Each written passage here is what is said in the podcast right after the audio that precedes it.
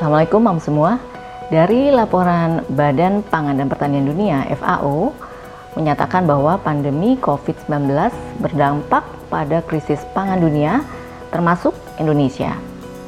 Bapak Presiden sendiri sempat uh, menyampaikan uh, pada waktu itu kaitannya dengan uh, prediksi BMKG tentang musim kemarau yang datang bahwa masyarakat harus bersiap dengan mitigasi dan antisipasi dengan ada krisis pangan.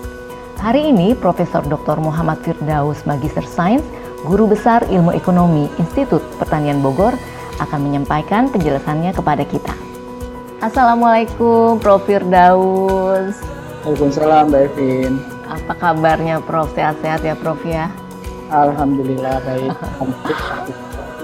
Prof, uh, biasa nih ibu-ibu lagi di rumah aja suka baca berita dan lain sebagainya ada hal yang bikin kita deg-degan nih Prof dan uh, ingin mendapat penjelasan dari Prof Firdaus uh, dari laporan FAO bahwa katanya pandemi COVID-19 ini berdampak pada uh, krisis pangan dunia termasuk Indonesia. Dan kemarin uh, Bapak Presiden sendiri sudah pernah menyampaikan nih terkait uh, perkiraan kemarau juga yang disampaikan oleh BMKG tentang antisipasi dan mitigasi agar kita bisa bersiap mengenai stok dan harga pangan yang uh, mudah-mudahan tidak terganggu begitu Prof. Nah ini sebenarnya apa sih Prof yang sedang terjadi saat ini? Oke, yang pertama sebetulnya sih kalau pandemi COVID sih dampaknya sih nggak signifikan pada produksi ya, kecuali global ya. Karena global itu kan uh, pangan pokok juga sangat tergantung pada impor. Nah kita kalau untuk pangan pokok kita ya boleh dikatakan kalau untuk beras kita sih udah nggak impor, jadi kita udah bisa produksi sendiri. Jadi sebetulnya kita nggak usah terlalu khawatir dengan dampak pandemi COVID-nya. Tapi bahwa kemudian ada prediksi kemarau, ya itu biasa ya, uh, reguler lah gitu ya. Dalam setiap berapa tahun sekali itu akan terjadi musim kemarau ya. Nah uh, sebetulnya yang paling dulu terdampak itu adalah Thailand sama Vietnam. Nah kebetulan Thailand dan Vietnam ini kan eksportir beras dunia, sehingga dunia itu kalau misalnya Vietnam sama Thailand terganggu tentu akan merasa uh, terguncang juga gitu. Tapi kalau Indonesia selama ini sih dua tahun terakhir minimal kita udah nggak impor beras ya. Uh, jadi impor beras kita itu pun hanya untuk yang kelas premium seperti basmati atau beras-beras khusus lah ya. Jadi bukan beras premium juga tapi beras khusus. Nah, kemudian yang terkait dengan kemarau panjang tadi sebetulnya sih sampai bulan Juni, Mei Juni ini kita masih punya hujan.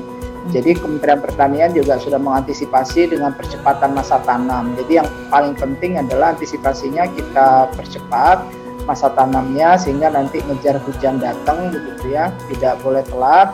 Uh, kemudian berikutnya ya seperti biasa aja sih. Jadi ya kalau saya sih melihatnya ya akan ada dampak tapi kalau kita sudah antisipasi sih rasanya sih nggak akan terlalu masalah gitu ya jadi ya kira-kira ya. kalau ya eh, kondisi ya kondisi yang sekarang ini ya persoalannya tadi bahwa uh, kita kalau FAO misalnya food crisis melihatnya global mm-hmm. kalau Indonesia ya kalau kita bisa punya perencanaan yang matang mm-hmm. antisipasi kita bagus ya nggak yeah. ada masalah karena kita juga dua tahun terakhir Eh, nggak uh, pernah impor beras lagi yang kelas medium. Nah, kira gitu. Bicara antisipasi nih, Prof. Uh, uh, saya pernah mendengar kalau di sentra-sentra produsen uh, pangan begitu ada yang namanya lumbung pangan masyarakat ya, Prof. Itu uh, bagaimana kalau dengan kita yang di perkotaan nih, Prof. Kita kan tidak ada kemampuan untuk bertani, lahan juga sempit, tidak ada lahan persawahan seperti itu. Bagaimana, Prof? Oke, jadi yang pertama kita harus bagi dulu pangannya itu apakah staple food atau pangan pokok seperti beras gitu ya. Kalau untuk pangan pokok seperti beras ya pasti masyarakat kota itu sulit memproduksi. Nah tadi hmm. saya sudah sampaikan kalau kita bisa menanam lebih cepat ya mudah-mudahan untuk stok beras kita sih aman saja baik-baik aja gitu ya. Nah tetapi kalau untuk non yang beras, yang non beras begitu ya, seperti sayuran dan sebagainya ya kita sih memang ini uh, kurang uh, ini urban farming ya. Tetapi kalau misalnya daerah-daerah seperti Surabaya itu sudah punya contoh ya, Jogja juga ya bagaimana e, masyarakat perkotaan itu sudah mulai aktif dalam produksi tanaman pekarangan ya sayuran hmm. dan Nah ini kalau di negara-negara seperti yang paling bagus itu mungkin Brazil ya. Di Sao Paulo itu e, urban farmingnya sangat berkembang. Thailand juga waktu pernah banjir dua bulan itu setiap rumah itu dia bisa membudidayakan sayuran sendiri. Nah ini yang juga mungkin perlu kita dorong.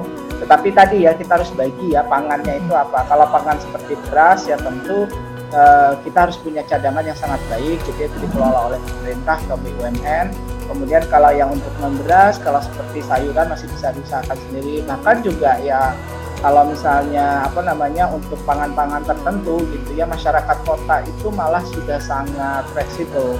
Di luar negeri itu yang namanya frozen vegetable ya jadi sayuran-sayuran beku itu sudah sangat lazim gitu. Nah kita kelihatannya sudah mulai harus belajar lebih banyak lagi untuk makan cabai beku. Hmm. kemudian sayuran-sayuran daun beku pun juga sebetulnya bisa gitu ya. Jadi tidak harus semuanya dalam bentuk fresh Oh, Jadi baik, ini yang memang harus kita didik kalau untuk masyarakat perkotaan ya. Hmm. Tapi ya nanti kita harus lihat segmennya juga kan tidak semua juga masyarakat perkotaan itu yang punya apa kulkas atau freezer yang bagus gitu ya. Jadi betul, ya betul. Sebagai anu apa namanya berbagai sisi harus kita dorong. Baik, baik Prof. Nah Prof, tentunya krisis pangan ini adalah hal yang tidak ingin uh, kita hadapi ya atau ingin sekali kita hindari. Tetapi biasanya nih Prof, ketika terjadi krisis pangan, harga pangan pun bisa melonjak naik. Nah, adakah cara uh, untuk mengatur agar harga pangan itu tidak naik, Prof? Ya, sebetulnya sih kita sih punya ini ya, punya instrumen di pemerintahnya harga eceran tertinggi ya. Uh, tetapi kan kadang sering kali memang harga eceran tertinggi ini tidak efektif ya. Kenapa? Karena uh, kontrol untuk bisa melaksanakan harga eceran tertinggi itu nggak bisa kita lakukan karena memang kita nggak punya stok yang cukup. Jadi kembali lagi untuk menstabil bukan menstabilkan harga ya, menjaga harga stabil ya itu harus dengan stok yang cukup. Jadi poinnya adalah berarti sistem logistik pangan kita. Nah, jadi misalnya kita masih impor untuk tiga macam ya, bawang putih, gula pasir, sama daging sapi Nah, kita harus pastikan bahwa kita memang mengimpor yang cukup, kita punya stok disimpan yang cukup untuk tiga itu. Kemudian yang kalau produksi dalam negeri seperti cabai merah, bawang merah gitu ya, kemudian beras ya dan sebagainya, kedelai. Nah, itu semua juga sama. Jadi sangat tergantung pada stok.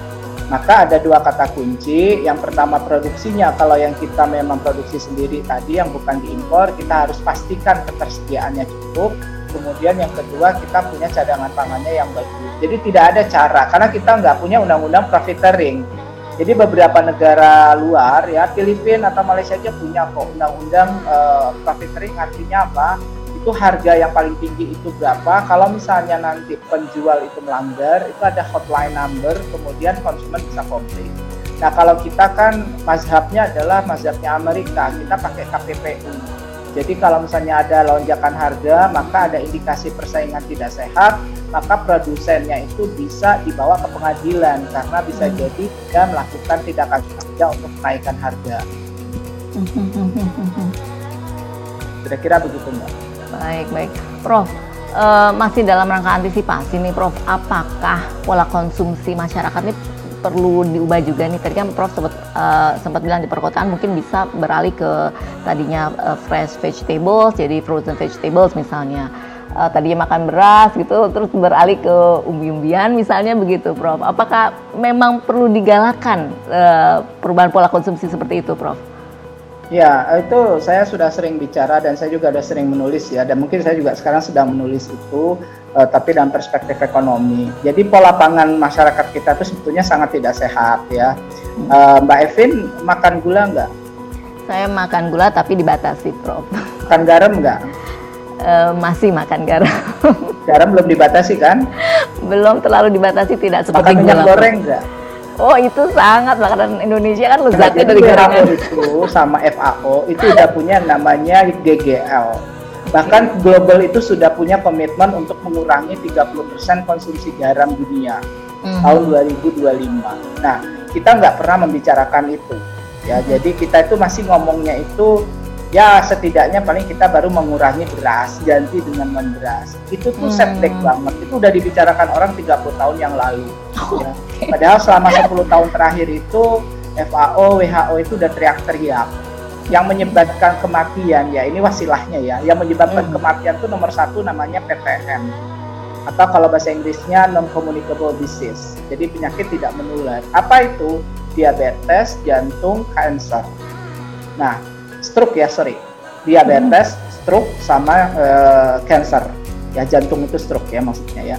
Jadi uh, kan semua dari jantung, tapi sebetulnya ya. tadi ya diabetes, kemudian stroke sama cancer. Nah tiga penyakit ini ya itu penyebabnya apa ya tadi yang saya tanya, namanya GGL, bukan gelo-gelo lebay ya, tapi ya uh, gula, garam, uh, lemak. Nah sekarang saya tanya, pernah ke Jogja nggak? Pernah, Prof. Pernah minum teh manis nggak di Jogja? Pernah, Prof. Ditanyanya apa? Kalau orang Jogja, yaitu yang jual teh manis, dia nanti nanya, gulanya gula londo atau gula Jawa? Terus kita bilang apa?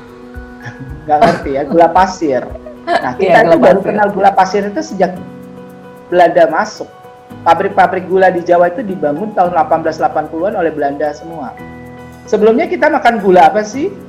Ya kita hmm. nggak hmm. kenal tebu. Kita makannya apa? Gula aren, gula uh, gula coklat, brown sugar, gula merah Siapa hmm. yang makan brown sugar kita? Orang di Jerman. Kita ekspor hmm. dari Ciranjang, Cianjur, dari Serang, Pandeglang itu semua organik. Karena dia nggak ada yang ditanam, dia tumbuh sendiri gitu ya. Nah, nggak pernah disemprot pestisida. Sehingga kalau diekspor itu pasti dia organically certified. Siapa yang mengkonsumsi? Orang di hotel bintang 5. Kalau kita ya, ke betul. restoran mewah, ya kan? Mm -hmm. Itu contoh aja uh, betapa stupidnya kita ya. Oke, okay? itu contoh ya kalau saya sih makan gula tapi ya paling gula itu bukan untuk minum tapi biasanya untuk masak karena kan gula sama garam kan jadi mecin kan betul paling gitu jadi gurih eh termasuk orang yang nggak suka minum teh manis ya kecuali kalau uh, occasion ataupun misalnya acara gitu ya itu contoh. Kemudian yang berikutnya adalah tadi apa? Garam ya. Nah garam itu kalau kita ini nggak apa ya saya bahas sedikit ya biar kita juga. Ini ibu kan?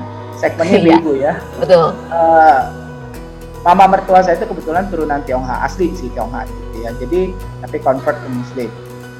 Uh, ada aturan ya di rumahnya itu kalau dia tuh makan garam itu misalnya berapa sehari itu maksimum mungkin satu sendok atau hmm. setengah sendok. gitu ya karena memang garam itu sebenarnya sangat tidak sehat dalam hmm. jumlah yang banyak ya hmm. dalam jumlah cukup tentu semua makanan kan baik gitu ya, ya. Nah, terakhir lemak kalau di luar negeri itu di setiap negara maju ada yang namanya eating statement Hmm. Nah ini kan kalau kita bicara eating statement aja udah pada bingung gitu ya. Ibu-ibu belum pada ngerti kan? Betul. Lagi eating statement, drinking hmm. statement, activity statement. Nah eating statement itu, ini saya bukan pakar gizi ya, tapi saya uh, dari ekonomi saya menganalisis gitu ya.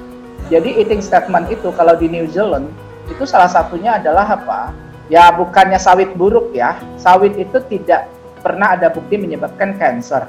Tapi kalau saya kasih pilihan minyak sawit, minyak kelapa, minyak mm-hmm. zaitun, hmm. pilih yang mana untuk nyeplok telur? Eh, biasanya kalau kita minyak sawit ya sebetulnya sehat ya, mungkin minyak zaitun karena ya, kita menganggap minyak zaitun di sini sangat mahal kan? Betul betul. Kan? Tapi kalau misalnya harganya beda-beda dikit, pasti milih minyak zaitun dong. Betul betul, Prof. Sekarang saya tanya, waktu Mbak Evin kecil masih ingat nggak ibunya kalau ke pasar mm-hmm. beli minyaknya pakai apa? Pakai botol nggak? uh, dulu pakai itu ya, Prof, pakai uh, apa namanya plastik ya? Pakai plastik, diket yeah. pakai karet, yeah, dan betul. minyaknya itu dipompa di pasarnya itu dari bekas drum aspal. Iya. Tahu nggak itu minyak apa? Uh, nggak tahu, Prof. Minyak kelapa. Oh, itu minyak kelapa. Jadi okay. sampai tahun 80-an kita makan minyak kelapa. Nah, sekarang saya balik lagi. Sekarang Mbak Evin coba deh ke supermarket. Mm -hmm. Terus lihat harga harga yeah. se apa berbagai macam minyak goreng yang ada puluhan jenisnya. Yeah. Oke, okay? yang paling murah tentu minyak sawit. Iya. Yeah. Seliternya mungkin 12.000. Yeah. Minyak kelapa seliternya mungkin sekitar 30.000. Minyak kelapa loh yang kita makan dulu di tahun 80-an, 70-an itu orang Iya. Ya. Ya masih banyak dipakai oleh nenek saya juga itu, Prof. Ada minyak jagung, canola dan sebagainya. Canola, betul. Dan kan minyak zaitun yang paling mahal ya. Tahu nggak sebetulnya paling bagus minyak apa? dari semua itu yang paling bagus itu namanya minyak alpukat, avocado oil. Oh. Cuma kita kan nggak produksi itu ya. Di luar negeri okay. kaum kaum yang jet set itu makannya avocado oil, bahkan rice oil dari padi, dari bulir padi yang nanti adalah pengolahannya ya. Saya juga secara teknisnya nggak tahu, tapi itu mahal. Itu dijual loh di supermarket. Nanti ibu-ibu, ya, tolong dicek kalau ke supermarket itu ada yang namanya rice bran oil. Jadi ada minyak dari rice padi. Ada avocado oil saya nggak tahu di Indonesia dijual apa enggak. Tapi kemudian ada olive oil, minyak zaitun udah tahu lah kan biasanya buat kalau di kita ya bukan buat makan ya mm-hmm. atau biasanya buat ya minum kesehatan. Kemudian tadi ada minyak canola, minyak jagung ya macam-macam ya. Mm-hmm. Dan terutama soybean oil ya, minyak kedelai yang Amerika itu sangat sakit hati dengan minyak sawit. Saya tidak bilang minyak sawit itu jelek. Kita nggak mm-hmm. boleh mengkampanyekan itu ya. Jadi minyak sawit itu belum ada bukti dia menyebabkan kanker. Tapi bahwa di atas minyak sawit banyak jenis minyak yang lebih bagus, maka di negara-negara maju itu yang disuruh makan itu kalau udah ngomongin lemak, salah satunya itu gitu. Carilah minyak yang lebih sehat. Nah ini apa namanya ini contoh aja. Tadi kalau misalnya Mbak Evin mengatakan apakah harus ada perubahan pola makan atau ya. diet, ya harus karena kita hmm. belum kita belum mencapai yang disebut dengan pola pangan harapan. Hmm. Konsumsi sayur buah kita baru separuh dari rekomendasi minimumnya FAO. Hmm. Malaysia sudah sama persis sekitar 80 kilo per kapita per orang ya per tahun. Kalau kita baru 40 kilo per kapita per orang per tahun ya. Per, uh, kalau Amerika sudah 200 kilo per orang per tahun. Karena mereka sejak kecil itu dikampanyekan di TV itu namanya five a day jadi lima porsi sehari. Nah TV kita pernah nggak ada iklan sosial untuk makan sayur dan buah? Belum ada TV yang belum. mau. Nah kalau di luar negeri itu di Inggris di Amerika tuh wajib. Jadi setiap stasiun TV itu punya tanggung jawab sosial, bikin iklan yang lucu-lucu supaya anaknya mau makan sayur dan buah.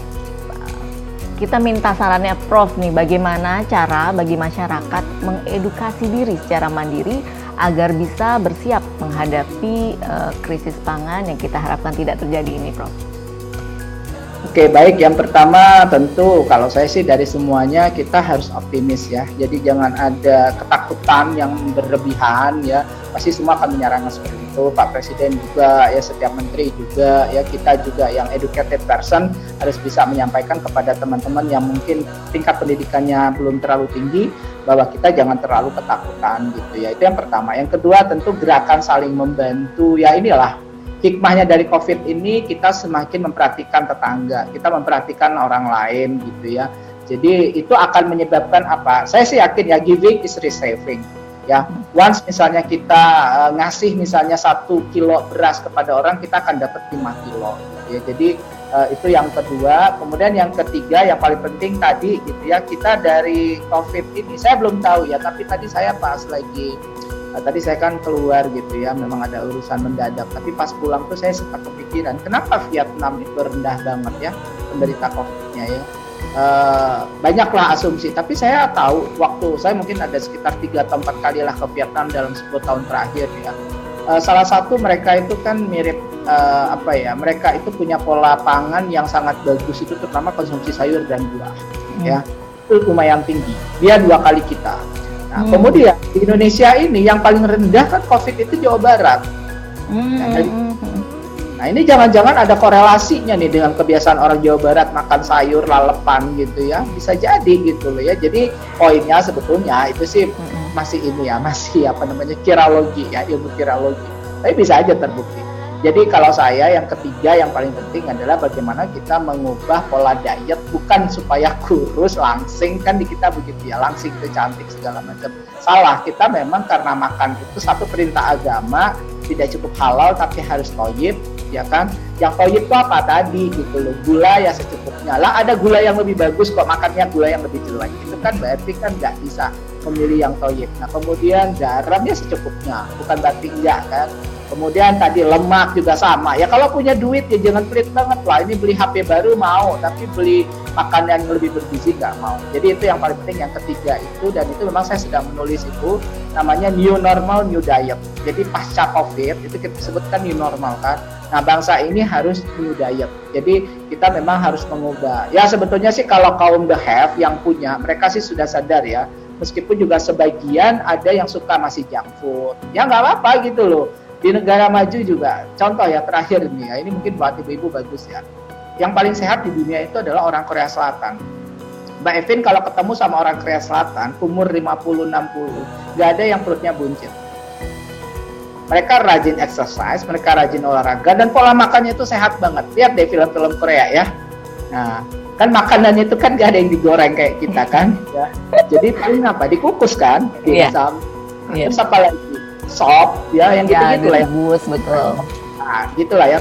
Jadi eh, pola makan mereka sehat banget ya. Nah itu mungkin bisa kita contoh gitu ya. Jadi maksud saya tadi yang ketiga memang betul pola diet.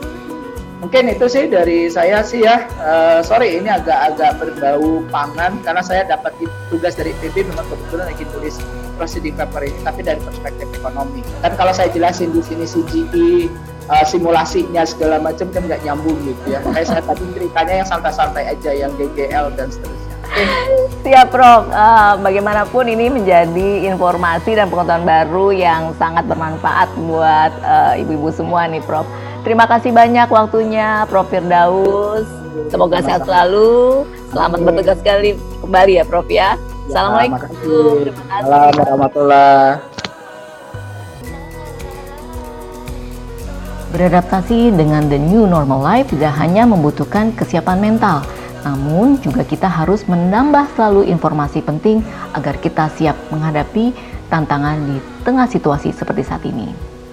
Tetaplah like, share, dan subscribe. Sampai jumpa di video selanjutnya.